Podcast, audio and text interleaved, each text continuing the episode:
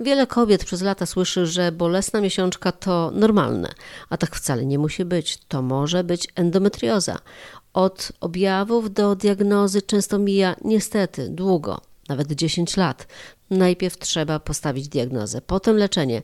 Jakie można mieć z tego korzyści, czy na przykład można mieć dzieci? To wszystko zależy, jak bardzo zaawansowana jest endometrioza i co dotknęła bo dla nas technicznie dzisiaj nie ma problemu wyciąć chorobę z jelita grubego, cienkiego, moczowodu, pęcherza moczowego, żołądka, kopuły przepony, ściany miednicy, mięśnia prostego. To dla nas technicznie nie jest żadnym problemem. Natomiast problemem jest naprawić gonadę. Jeśli endometrioza dotknęła narządu rodnego, zniszczyła mocno jajnik bądź jajowody, wtedy przywrócenie płodności czasem jest iluzoryczne, bo o ile możemy uratować jajnik w znacznej mierze, o tyle jego czyli ilość jajeczek, zostaje uszkadzana przez bytującą tam zmianę endometrialną, która też niszczy jakość pęcherzyków. Dlatego ten jajnik traci swoją funkcję poprzez czas trwania choroby, wielkość guza, ale ilość tych guzów.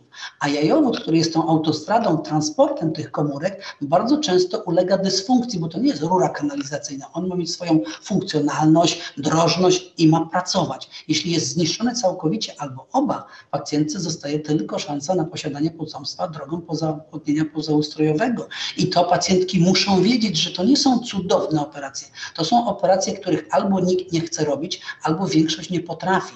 Stąd branie się za te operacje bez doświadczenia bardzo często jest z niekorzyścią dla pacjentów. Proszę pamiętać jeszcze o jednym. Jeżeli mówimy o endometriozie, powinniśmy tą chorobę rozpatrywać praktycznie w takim samym aspekcie jak choroby nowotworowe złośliwe.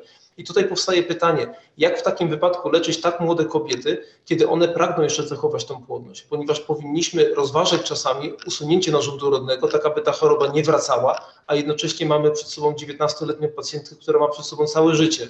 Chce mieć dzieci, chce normalnie funkcjonować, ale niestety grozi jej stomia, grozi jej powikłanie operacyjne, tak, a jednocześnie usunięcie całego chorego narządu. I tutaj stajemy przed wielkim dylematem wspólnie z pacjentką, co wybrać? Czy wybrać to zdrowie poprzez operację radykalną, czy wybrać to ryzyko nawrotu, tak jak jest w ryzyku choroby nowotworowej, ale kiedy ta operacja jest najważniejsza, to planowanie zabiegu jest niezwykle istotne, tak aby ta pacjentka była zoperowana od początku radykalnie i tak aby, abyśmy nie generowali niepotrzebnych zabiegów diagnostycznych laparoskopii, które mają tylko na celu zobaczenie tej choroby. My już takich operacji nie przeprowadzamy nie i wręcz to jest to zakazane.